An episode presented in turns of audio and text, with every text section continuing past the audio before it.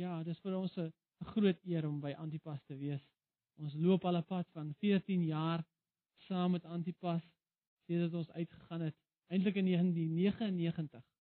Ehm um, het ons hier gekom.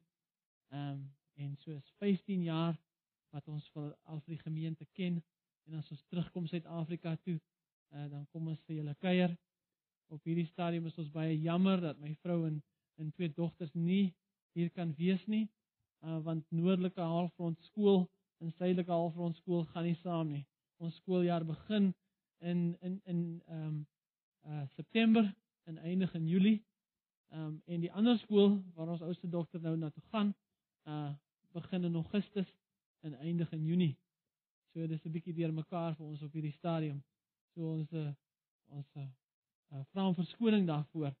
Ehm um, en miskien volgende keer as ons kom, uh, sal ons almal hier by mekaar kan wees saam met julle. Reg.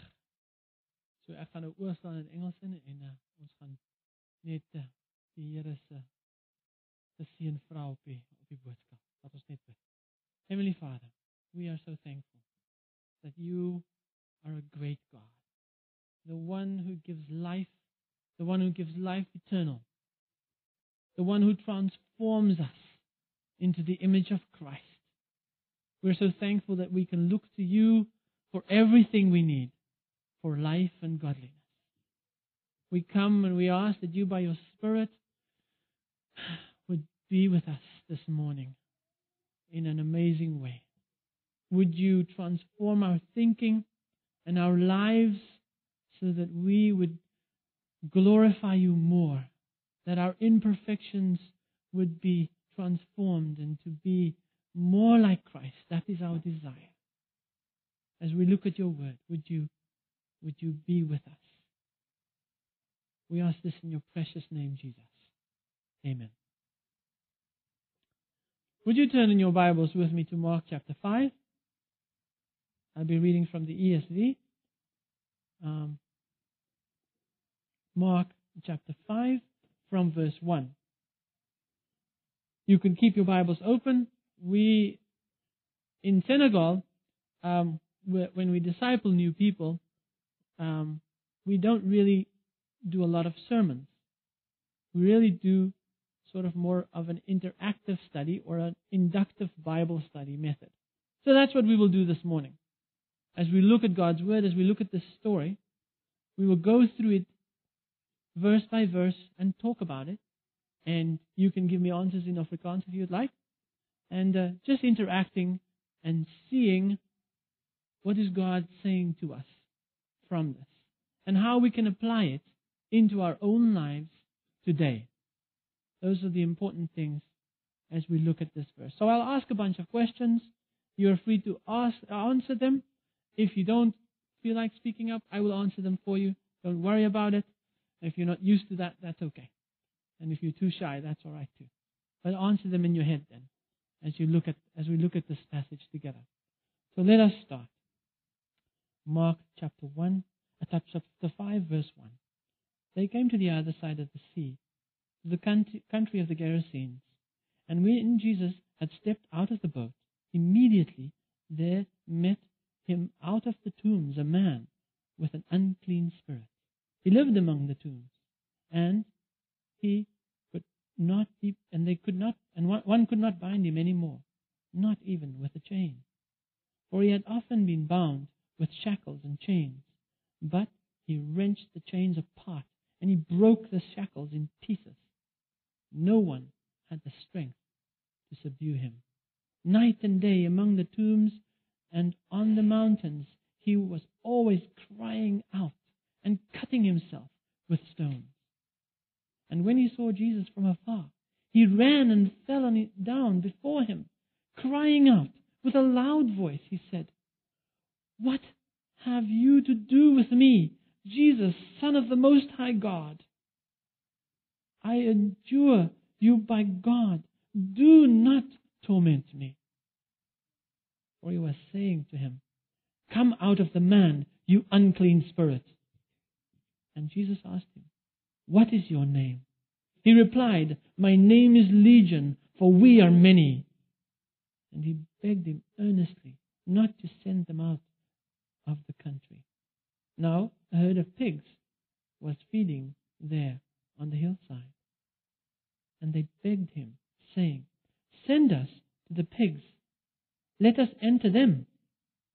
So he gave them permission, and the unclean spirits came out and entered the pigs. And the herd of pigs, numbering about two thousand, rushed down the steep bank into the sea and were drowned in the sea.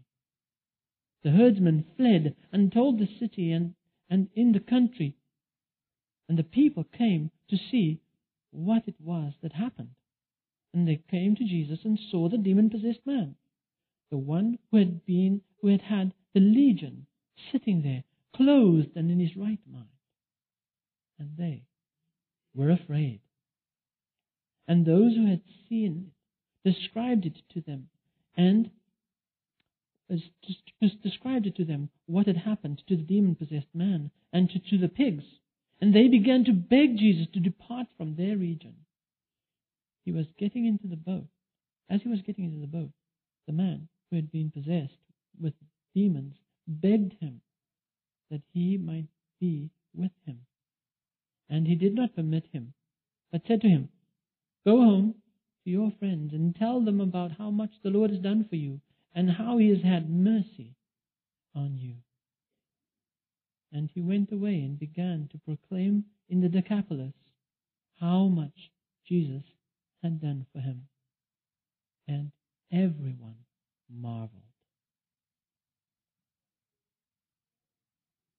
So let's try and set the scene of this story.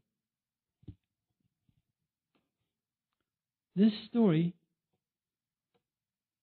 starts out with Jesus meeting this man. What had happened just before? What is the heading in your Bible of the story that's just before there? What does it say? Jesus calmed the storm. So they just went through this very stormy experience on the sea, and Jesus saved them from the storm, from death by drowning. Okay? And then they land. And what happens now? A demon possessed man comes to Jesus. Okay? And he falls down and he says, Jesus, Son of the Most High God, what do you want with us? What do you want with me? Because Jesus told, Jesus said what? What did Jesus say to the man? Come out of, come out of him. So Jesus was commanding these evil spirits to come out of this man. Okay, so this is the, the start of the, of the story. Jesus coming, commanding the spirits. Where is this taking place? At the sea? And the place is called the, the, the, the Decapolis? Or, or Gerasa? Okay, the, the area of the Gerasenes. Okay, and it was near where? Near what place of this town of Gerasa? Near the near the cemetery. Okay. Now let us look at this man's life. What was his life like? What are the things we can learn from this passage about this demon possessed man? What does it say about him? He was very strong. He was chained up sometimes, and what did he do with the chain?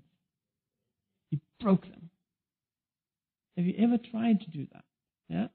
I wouldn't ask who's been handcuffed before, but um, I hear it's very difficult to get out of them. okay, so chains, irons they've put on him, and they said he broke them in pieces. Very strong man. If the boys here, sometimes they play superhero, right? And dream they can be Superman one day. Some try it on the rugby field and don't pass the ball. Um, yeah. So this is this is this man's strength. He is super strong. And then, but what else do we know about him? He was lonely, Yes? Screaming, crying out. Where did he live? In the cemetery. The place of the dead. Do you think people like going there? Maybe only the undertakers. Yeah, the place of the dead. That's where he is. And what else? He was cutting himself with stones. So, yes, he had the strength, but he was cutting himself. And what else? We only learn that right at the end of the story. He did, yes, but they couldn't do anything with him. There's something right at the end. Excuse me? Yes. Before that, let's look at his life before. He was out of his mind. Yes, he was out of his mind. No one wanted to come near him. Okay? Anymore. They tried with the chains and the shackles and the irons and whatever they tried to put on him, and now they've given up. But in the end, it says, and he was in his right mind and he was clothed. Remember that? Right at the end of the story? He was clothed, so it doesn't look like he wore clothing. So this is this man's state. Maybe, maybe he wanted that strength in the beginning. Maybe he made a deal with the devil. We don't know. We know that he was from the region of the Gerasenes or the Decapolis. And these ten towns, that's what the Decapolis stands for, these ten towns. What kind of people lived there?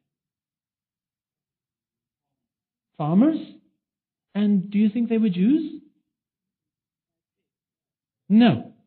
They were Gentiles. So here Jesus saved his disciples from drowning. They stop at a Gentile region.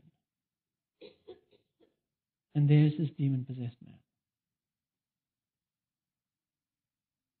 that looks like this. He, his life was in pieces. And so maybe through his idol worship and all that, he wanted to be strong. And he made some satanic arrangement.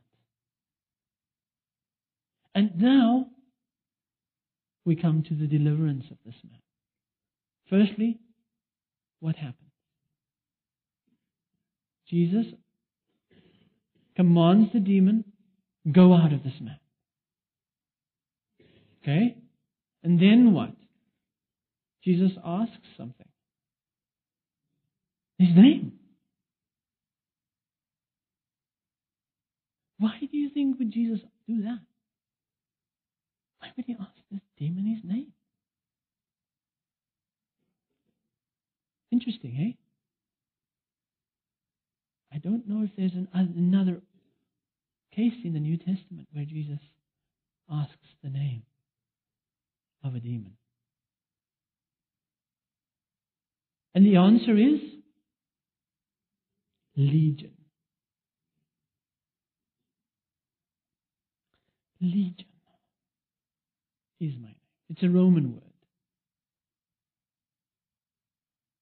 A legion, a Roman legion.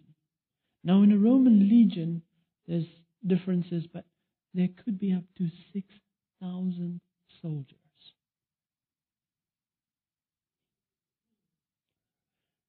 So maybe Jesus is asking this for the benefit of whom? For his benefit? No.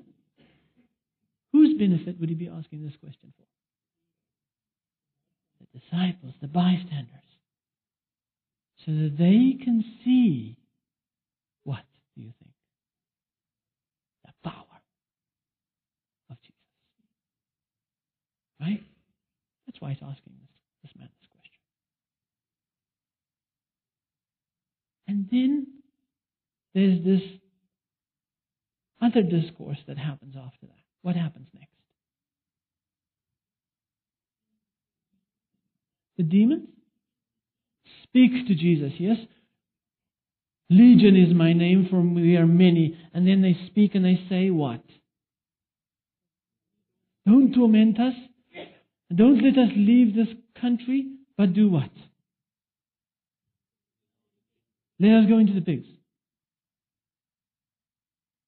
Do you think Jesus had to do that? No. He could have sent them anywhere. Right? And now, he gives them permission to go into the pigs. How many pigs? 2,000.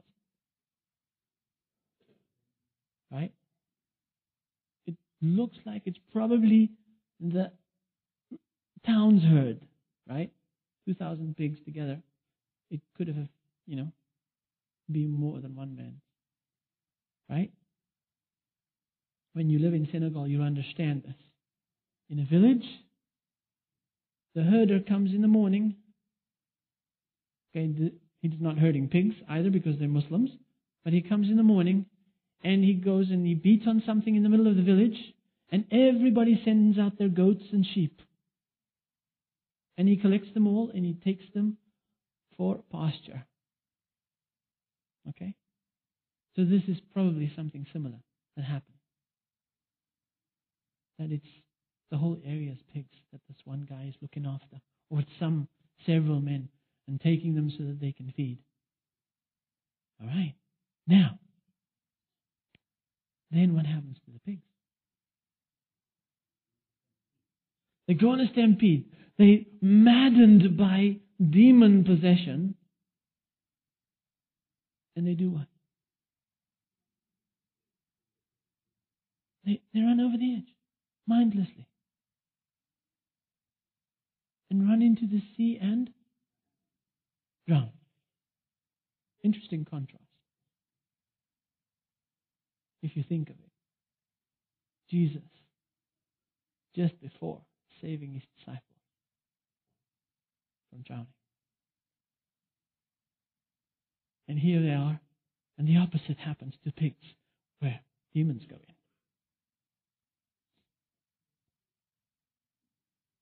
Okay, another contrast. And now,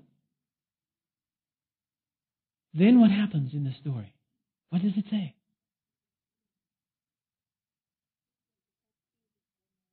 They ran away. And they did what? They went to tell the owners and everybody, hey, your pigs are dead, man. They just they just up and ran over the cliff. We couldn't do anything. They they're liable, you know. They're the pig herders. Can you believe it? Can you think, you know, if there's in the village, if one pig, if one goat goes missing in Senegal, or a sheep, hey, you're going to pay me back. This is probably what would have happened with these guys. So there was serious panic. And they ran around. We couldn't stop these guys. Can you imagine the panic and the fear that this might have created? 2,000 pigs. This is a lot of noise and a lot of action that's happening. Okay? A herd of 2,000 pigs is huge. And then, what happens when the when the people are, I want to go see what happened to my pigs? Hey, wouldn't you want to do that? Yeah, I want to go see if you're lying or not. Okay, so they go there, and what do these people who've lost their animals find?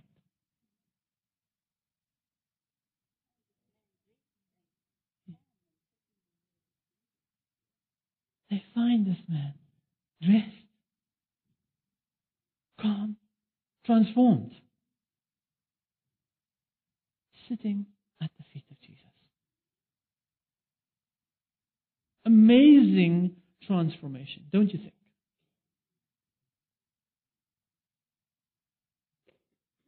from the wild man to sitting down, listening, sitting at the feet of Jesus, listening to Jesus, transformed. And they find him there. And what is their response? Excuse me? They got afraid.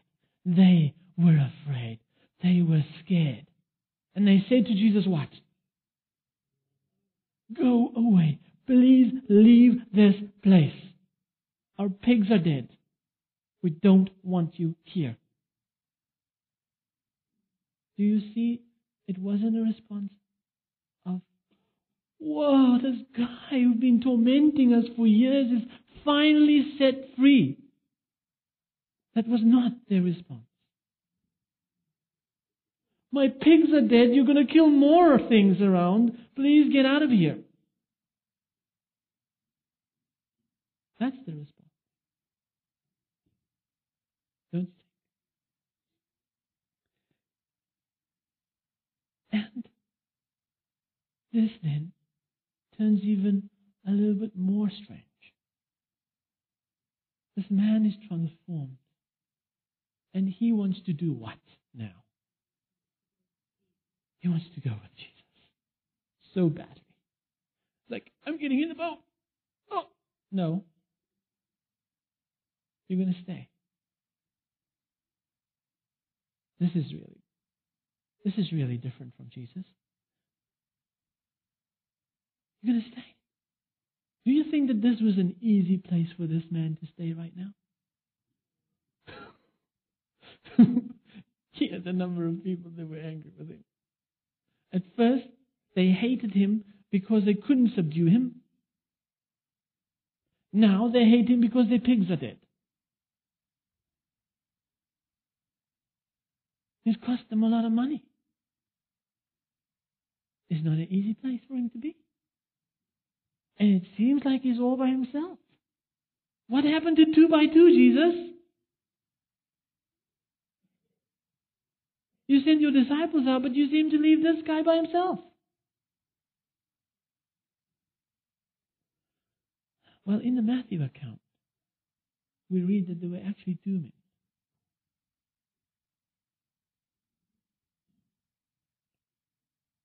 Luke and Mark choose to only speak about one. Maybe the other man didn't respond in faith. Maybe he was just set free and he was like those thankless lepers that just ran off. He said, I'm free, yes, cheers, Jesus. I'm going. Okay, like those lepers. The nine out of the ten just ran. Maybe he was one of those. Maybe he didn't want to get in the boat and follow Jesus. But here it seems in, in Mark, yes, he's by himself. And what does it say? What is Jesus' command to him? What does it say? What does the Bible say? Jesus tells him to go and do. Go and tell what? What I have done for you. And more, there's more. And that I had compassion on you. That I have shown you mercy. I have given you, I have not given you what you deserve. You made a deal with the devil, and I took you out of that. I saved you. And what does this man do in this harsh environment? He he goes and he tells. Did he have any time spent with Jesus? Did he have any training? He only knew what he was like, what happened to him, and where he is now. That's what he had. He didn't have the Old Testament. He didn't have it. Because he wasn't a Jew. So he didn't even have God's word to go and share.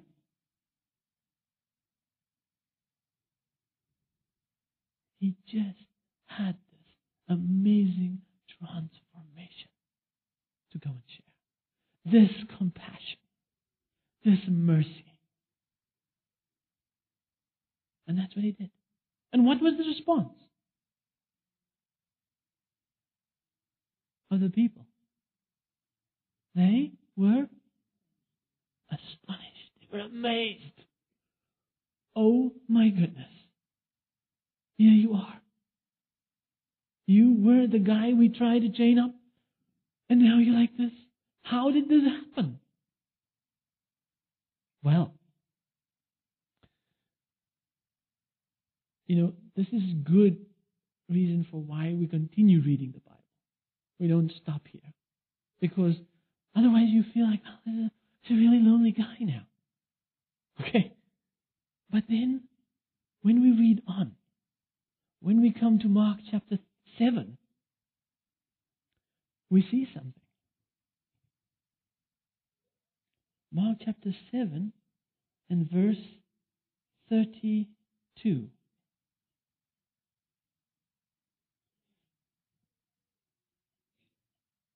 Or 31, let's start there.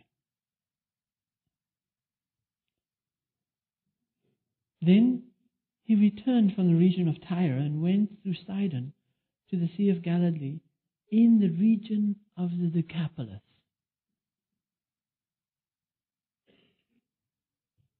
And now what is the response? Where are they now? Where is Jesus now? In Mark chapter 7. He is where? Where does it say? He's in the region of the Decapolis. And then what it say, does it say there in verse 32?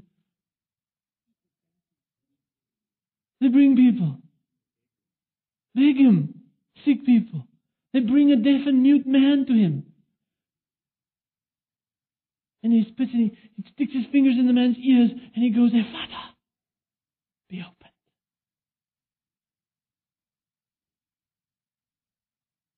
And the man's ears open.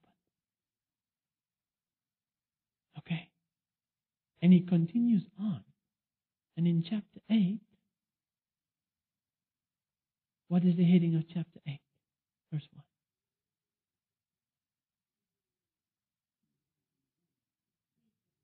He feeds the masses, vermeerdering van die brood. How many people did he feed there?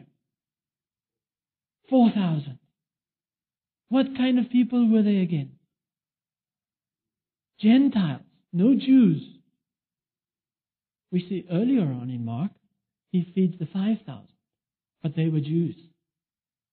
They were in a desolate place, in a desert place, and Jesus was giving them bread and fish. He was providing for them. Now he's doing the same for whom? The Gentiles. Who do you think he's doing this miracle for? Just for the Gentiles? No. For whom? The disciples. What do you think is he trying to show them? He cares as much for the Gentiles as for the Jews. He is the provider of bread for the Gentiles and for the Jews. And he got an open door. Why? And masses listening to him. Why? Do you think? Part of the reason. Because of Legion, that man who went around in the Decapolis. Hey, you should have seen me, man. Jesus took me from this to this. And now 4,000 people come and listen.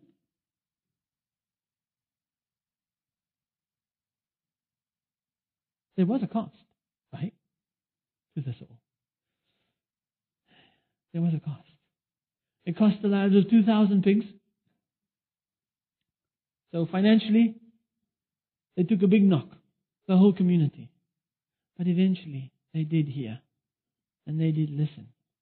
And Jesus came in their midst, and they heard him teach. And they were just like the Jews. They followed him to a desolate place. And he treated them, although Gentiles, not having an idea of God the Creator, just like he treated the Jews. He had compassion on them. And he, he tells his disciples the same thing. You feed them. And it's like, they didn't get it the first time around. It's like, where are we going to find food for all these people? And again, Jesus says, how much do you have? The same, the same story again. See, Jesus is building into these lives of these disciples. He's patient with them. He's not like saying, but you should have known. I've shown you this before. Why do you ask me where we're going to find bread? He's not frustrated with them. He, well, he's a little bit frustrated. But, you know, and then, again, there's this miracle. But this man, let's go back to him. He had this compassion experience with Jesus. How, how do you think will be applied in our own lives? Have you and I seen the mercy of God, the compassion of God in our lives? Have you? If you haven't, you're in trouble. But if you have,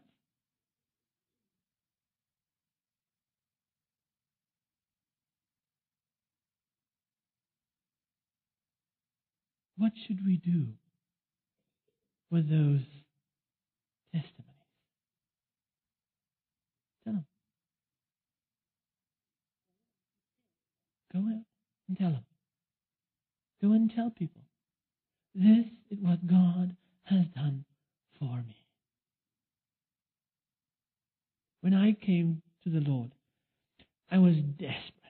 I was being weighed down by my sins. I was crying out for a Savior. And that Friday night on the 12th of January in 1991, there was transformation. Because it all made sense. My mother read me the Old Testament, New Testament, Bible stories, and all of a sudden these things lined up, and there it was. Salvation by Christ, through Christ alone. Forgiveness of sins. The sin that I was struggling with, He's forgiven it. What a light burden. I was walking around at night. I couldn't sleep. I was so excited. And the Saturday, I was out on the street telling people about him because it was the best news in the whole world. It was better than winning the Rugby World Cup or the Soccer World Cup or the Cricket World Cup all put together. We get so excited about these things. These sports events, these other things about programs on TV that we can't stop watching or things like that. But here we are for this, this amazing experience, this amazing transformation that God has done in our lives. And do our neighbors know it? Is my question. To myself. Not just you. Do they know what God has done for you? Yeah, but you know, here in Pretoria, we don't really mix with our neighbors. We don't really know them. We put up our high fence and then we don't see them, and then we feel okay about it. You know? In Senegal, we also have high walls around us to keep, you know, privacy is really important. You know? So you keep your doors closed and your walls up high. Because you don't want people prying and you don't want to mix with them much. It's like fear sometimes. Okay? But do they know? The mercy God has shown. You have a story to tell.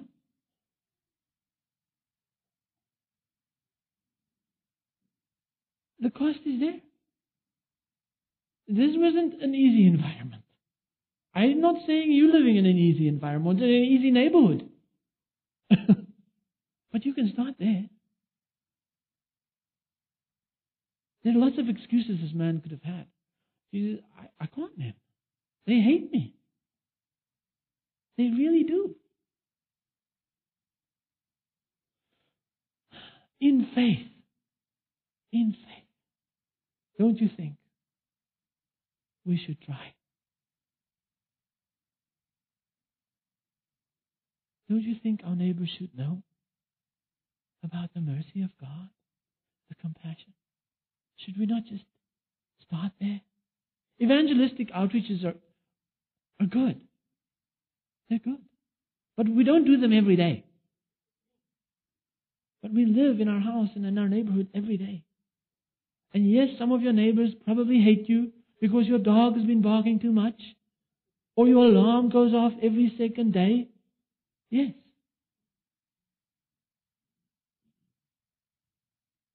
But it's not more difficult than this guy. And you have God's Spirit in your life. And I have it in my life. I live in I live three houses down from the Imam. And we are friends. But I still haven't shared the mercy of God with him. It's difficult. I'm scared too. I got too many too much knowledge now. You know? I've I've lost some of my zeal.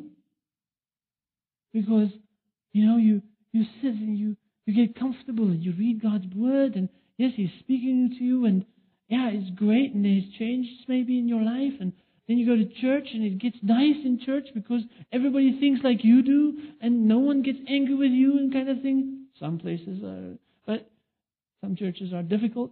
I understand that. But so, so yes, I have those same fears. I know the mosque crier as well. The one that comes and shouts in the morning, Allahu Akbar. I know him. I meet him regularly. I haven't shared with him yet. So I have the same issues.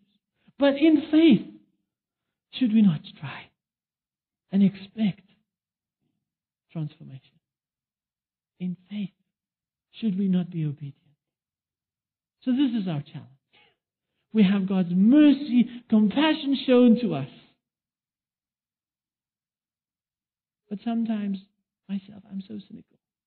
And this guy's got so far to go. He's a Muslim. He's an Imam. He, oh, where? You know, it's going to take years. It does. You know, my neighbor is an alcoholic and, you know, he beats his wife. It's going to take years. We're going to start somewhere. Anyway, I think that's enough rambling for today. But I hope that you were challenged. It's there in God's Word that He will transform all of us, that we will be bold, that we will be zealous, that we will remember what God has done for us. Remember, when God speaks the law to the Israelites, He says, I am the Lord your God that has led you out of Egypt. Remember. I am the Lord your God that has set you free from sin. Remember. Go and tell. You don't have to go to Senegal. You don't have to go to Saudi Arabia. Just tell your name.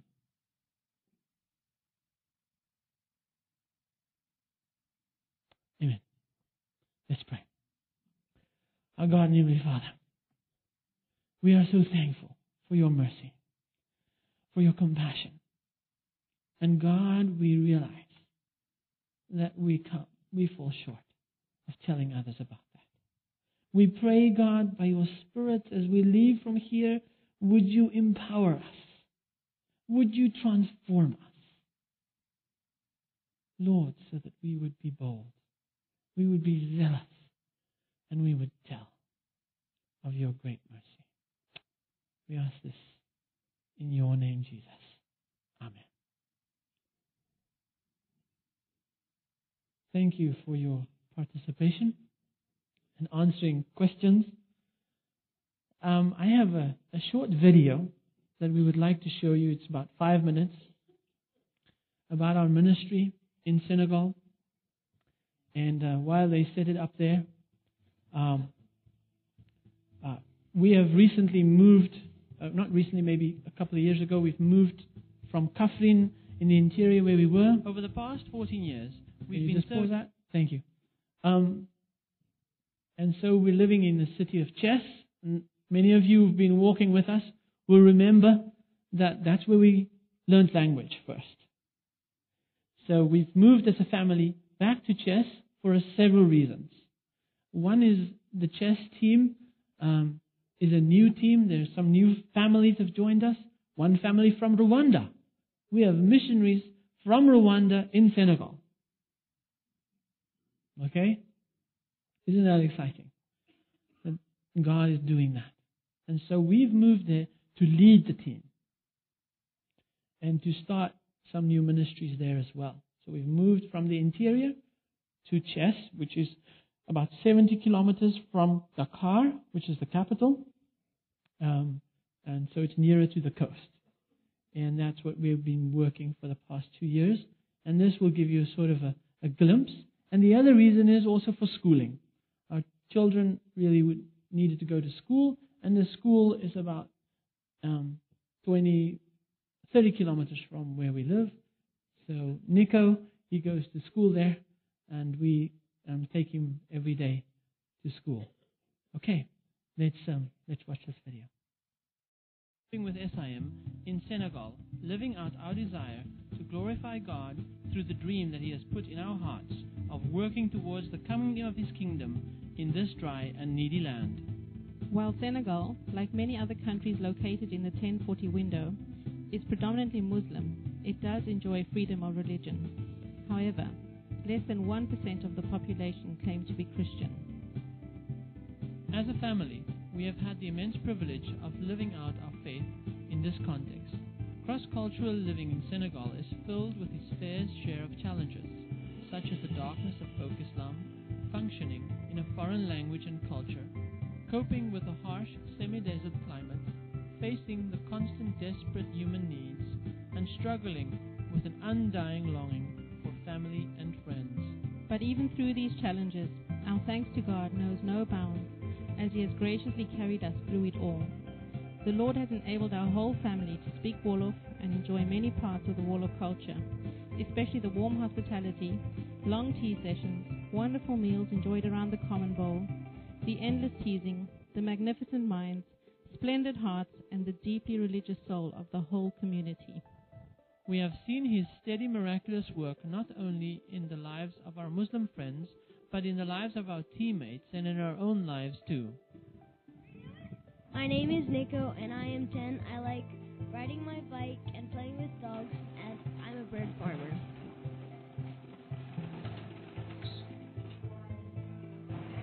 Christy. I'm 13 years old. I go to school called ECS and I'm weekly so I go home every weekend and stay here the week. I enjoy hanging out with my friends.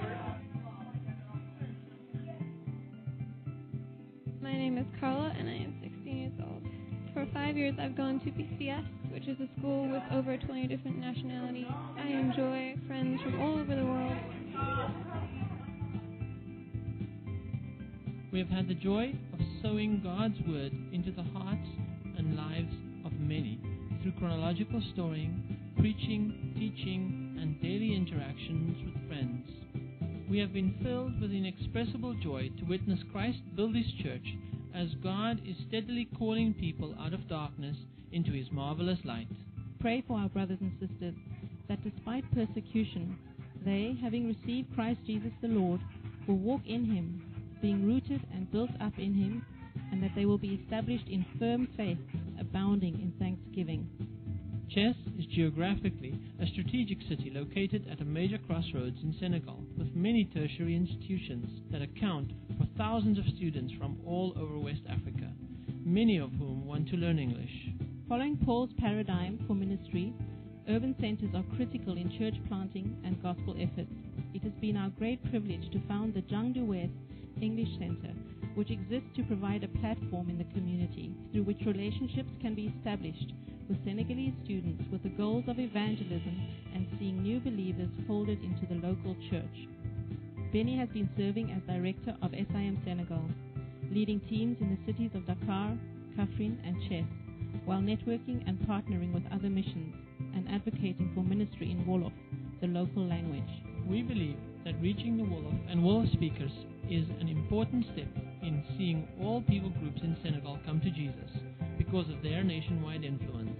Our Sim Senegal team's vision is to glorify God in Senegal by proclaiming the gospel, planting, strengthening, and partnering with churches as we evangelize the unreached and disciple believers into churches, minister to human needs, and equip churches to fulfill Christ's commission. Human language could not convey and honor the solid and sincere, joyfully obedient, and sacrificial contribution each SIM team member is making toward the coming of his kingdom here in Senegal. As the Sim Senegal team serves our Lord through these diverse ministries, pray that according to the riches of his glory, God may grant us to be strengthened with power through his Spirit in our inner being, and that the God of our Lord Jesus Christ, the Father of glory, may give us the spirit of wisdom and revelation in the knowledge of him. Continue praying for us as we work towards seeing Wolof friendly Bible studies, fellowships, and churches develop where Wolof people feel culturally comfortable.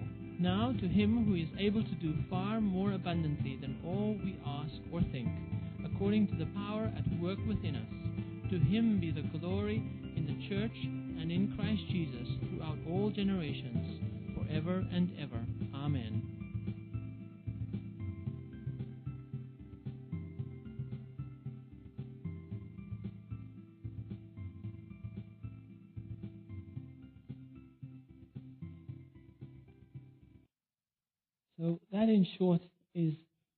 We've been busy with over the past two years since we have um, come from here and gone on to um, working um, in Thiès. Um, Mags is um, an English teacher. She is a TEFL or teaching English as a foreign language teacher, and she uses that as a platform um, to uh, to invite people to our home, to get to know more people, so that we can share the good news of Jesus with them.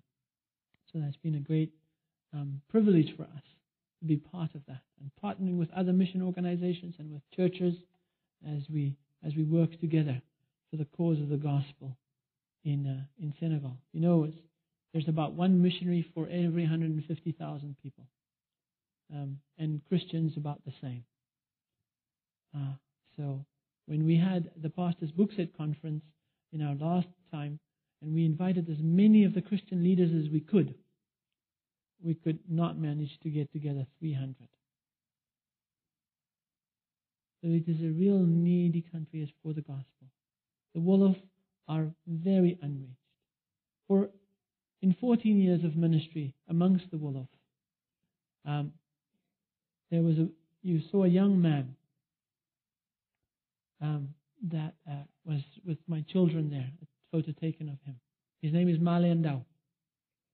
And uh, Male, we started uh, ministering to Male when he was about 10. And eight years on, we can say that he has put his faith in the Lord Jesus. And he is growing. And he is sharing the gospel. And you saw the baptism.